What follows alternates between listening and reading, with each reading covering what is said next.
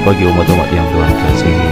Kita bersyukur untuk anugerah yang Tuhan berikan kepada kita. Mari kita sampai pada pembacaan Dan renungkan firman Tuhan dari 2 Samuel Pasal yang ke-6 Kita akan membaca ayat yang ke-17 sampai ayat yang ke-19 2 Samuel pasal yang ke-6 Ayat yang ke-17 sampai yang ke-19 Bagaimana Daud membawa tabut perjanjian dan tabut Allah tabut Tuhan masuk kota Yerusalem 2 Samuel pasal 6 ayat 17 sampai 19. Demikianlah firman Tuhan. Tabut Tuhan itu dibawa masuk lalu diletakkan di tempatnya di dalam kemah yang dibentangkan Daud untuk itu. Kemudian Daud mempersembahkan korban bakaran dan korban keselamatan di hadapan Tuhan. Setelah Daud selesai mempersembahkan korban bakaran dan korban keselamatan, diberkatinya bangsa itu demi nama Tuhan semesta alam. Lalu dibagikannya kepada seluruh bangsa itu, kepada seluruh halayak ramai Israel baik laki-laki maupun perempuan, kepada masing-masing seketul roti bundar, sekerat daging dan sepotong kue kismis. Sesudah itu, pergilah seluruh bangsa itu masing-masing ke rumahnya. Sampai di sini pembacaan kitab suci.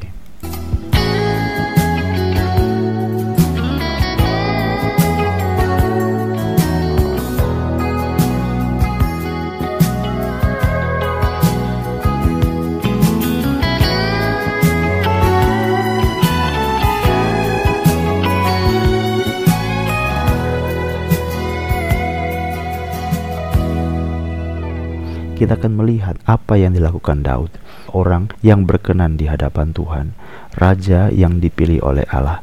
Yang pertama-tama, dia merebut kota Yerusalem.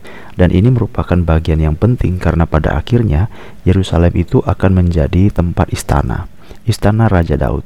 Dari Yerusalem itu disebut sebagai kota Sion dan Yerusalem itu nanti akan dibangun bait suci. Pekerjaan pertama yang dilakukan oleh Daud pada waktu dia menjadi raja, baik atas orang Israel dengan orang Yehuda, adalah menyambil atau merebut kota Yerusalem. Dalam pasal yang kelima, ayat yang keenam mulai tercatat, pada waktu itu kota Yerusalem adalah kota yang masih dikuasai oleh orang Yebus atau orang Kanaan. Kenapa ya begitu? Apakah itu tidak bersalah? Tidak, karena kota itu adalah kota yang diperuntukkan, tanah perjanjian yang diperuntukkan bagi orang Israel. Tetapi orang Israel dalam perjalanan sejak zaman Yosua selalu mengalami penundaan, keengganan, dan segala macam hal sehingga mereka tidak merebut kota itu. Bahkan pernah juga daerah-daerah yang ditaklukkan orang Israel itu ditaklukkan, tetapi karena mereka juga berbuat dosa dan berkompromi dengan masyarakat sekitar lagi, sehingga mereka juga akhirnya kalah lagi. Jadi saudara-saudara dikasih Tuhan, perbuatan pertama yang dikerjakan oleh Daud pada waktu menjadi seorang raja adalah merebut kota Yerusalem. Sama seperti dia melaksanakan peperangan untuk merebut kota Yerusalem. Itu merupakan tema yang besar dari semua peperangan yang harus dikerjakan oleh Daud. Untuk apa? Peperangan itu adalah peperangan atas nama Tuhan untuk menegakkan panggilan dan perjanjian daripada Allah. Itu memang adalah perintah daripada Tuhan. Apakah melalui peperangan? Apakah bangsa itu sendiri dengan sukarela menyerahkan diri? Ada begitu banyak model tetapi prinsipnya adalah penaklukan. Jadi salah satu tema besar daripada penaklukan itu adalah peperangan. Dan kalau kita baca apa yang dilakukan Daud pada waktu dia menjadi raja? Dia harus menaklukkan. Dia harus mengalahkan. Dia harus menunjukkan sesuatu kekuatan dan keagungan daripada pilihan Allah atas dirinya sendiri. Itu sebabnya dimulai dari menaklukkan kota Yerusalem. Kemudian kalau kita baca pada pasal yang ke-8 ayat 1, maka Daud memukul kala orang Filistin dan menundukkan mereka lalu mengambil kendali pemerintahan atas ibu kota dari tangan orang Filistin. Ini harus dilakukan untuk menunjukkan bahwa penegakan perjanjian-perjanjian Allah. Dan akhirnya apa saudara-saudara? Pasal yang ketujuh ayat 1 Ketika raja menetap di rumahnya Tuhan telah mengaruniakan keamanan kepadanya Terhadap semua musuh sekelilingnya jadi kembali lagi tema besar apa yang terjadi pada waktu Daud menjadi raja. Pertama-tama dia menaklukkan kota Yerusalem. Tema besarnya adalah penaklukan, penundukan untuk menegakkan perjanjian Allah, keagungan Allah. Jadi kalau kita baca ini yang merupakan tema yang penting yang besar yang dilakukan Daud setelah dia masuk atau menjadi seorang raja. Kemudian, apalagi yang dilakukan Daud setelah dia menjadi raja? Yang kedua adalah dia membangun istana. Pasal yang ke-5 ayat yang ke-11. Setelah dia menetapkan ibu kota kerajaan, dia membangun istana kerajaan. Dan ada satu hal yang tidak kalah pentingnya, yaitu kalau kita baca dalam pasal yang ke-6, maka dia berurusan dengan tabut perjanjian Allah. Tabut perjanjian Allah dimasukkan ke kota Yerusalem. Memang ada tragedi di sini saudara-saudara, karena pada waktu kita baca tragedi di mana matinya Uza, ada kelalaian yang terjadi pada waktu mereka membawa tabut perjanjian. Itu harusnya dipikul dalam usungan, tetapi ini dibawa dengan kereta dan tidak dipikul oleh orang Lewi. Sehingga akhirnya waktu dipegang langsung oleh seorang Lewi, maka dia mati mendapatkan kemarahan Tuhan. Lalu pada ayat yang ke-11 harus berhenti selama tiga bulan di rumah Obed Edom. Ayat yang ke-13 mulai, maka mereka melaksanakan pengangkatan tabut Allah untuk kedua kalinya sampai akhirnya masuk ke kota Yerusalem. Itulah ayat yang kita baca ini. Bagaimana Tuhan berkenan kepada Daud dan bagaimana Daud sebagai raja yang dipilih Allah, dia melaksanakan apa yang dikendaki oleh Allah. Begitu dia menjadi raja, yang pertama, dia terus maju dalam peperangan, menaklukkan kota Yerusalem untuk kota kerajaan. Yang kedua, dia menegakkan istana kerajaan. Yang ketiga, dia mengambil tabut perjanjian Tuhan untuk dibawa ke kota Yerusalem. Yerusalem itu bukan hanya kota kerajaannya. Yerusalem bukan hanya kemenangan, kemenangan peperangan. Dalam kota Yerusalem bukan hanya istana kerajaan, tapi di kota Yerusalem itu juga dimasukkan, disertakan, dihadirkan tabut perjanjian Allah, tabut Tuhan tabut perjanjian yang dimiliki oleh bangsa Israel pada waktu Musa, tabut yang isinya hukum Taurat dibawa oleh Daud. Betapa Daud adalah raja yang berkenan kepada Tuhan. Bahkan ada satu hal lagi saudara-saudara yang kalau kita baca dalam pasal yang ketujuh bahwa Daud berencana untuk membangun bait suci. 2 Samuel pasal 7 ayat yang kedua Berkatalah raja kepada Nabi Nathan Lihatlah aku ini diam dalam rumah kayu aras Padahal tabut Allah diam di bawah tenda Lalu berkatalah Nathan kepada raja, "Baik, lakukan segala sesuatu yang dikandung hatimu, sebab Tuhan menyertai engkau."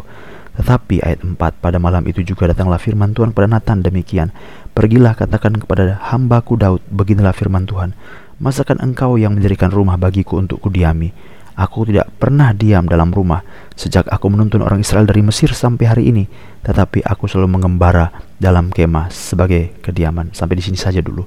Nah, waktu ini kita lihat ada satu progres lagi dari apa yang hendak dikerjakan Daud. Akhirnya dia berencana untuk mendirikan rumah Tuhan. Bukankah ini perbuatan-perbuatan dengan agenda yang sangat jelas?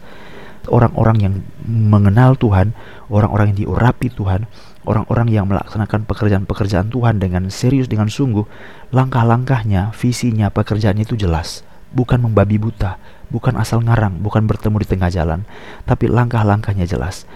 Warisan dari kitab hakim-hakim, dia harus memimpin pasukan, mengerahkan semua orang Israel untuk memberikan keamanan kepada bangsa itu. Dan dia lakukan. Itulah pekerjaan dia yang pertama. Sambil dia berperang, menaklukkan musuh-musuh Allah, dia membangun istana setelah itu dia mengangkat tabut perjanjian masuk kota Yerusalem. Jadi kota Yerusalem tidak dibiarkan menjadi kota yang kosong. Kota Yerusalem tidak dibiarkan menjadi kota tanpa kehadiran Allah. Tidak, Allah juga harus ada hadir di sana. Bukankah ini indah sekali saudara-saudara?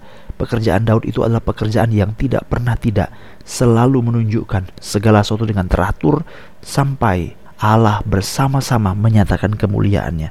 Dalam 2 Samuel pasal 7, para penafsir Alkitab menunjukkan ini sebagai ayat kunci karena di sinilah Tuhan berkata, Tuhan berjanji, bukan kamu Daud yang mendirikan rumah bagiku atau dinasti atau rumah bagiku, tapi akulah yang mendirikan kerajaan, mendirikan rumah bagimu.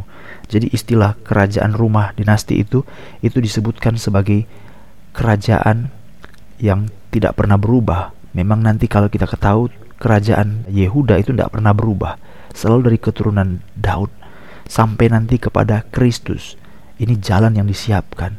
Kristus, juru selamat kita, Mesias, tongkat kerajaan tidak beranjak dari suku Yehuda.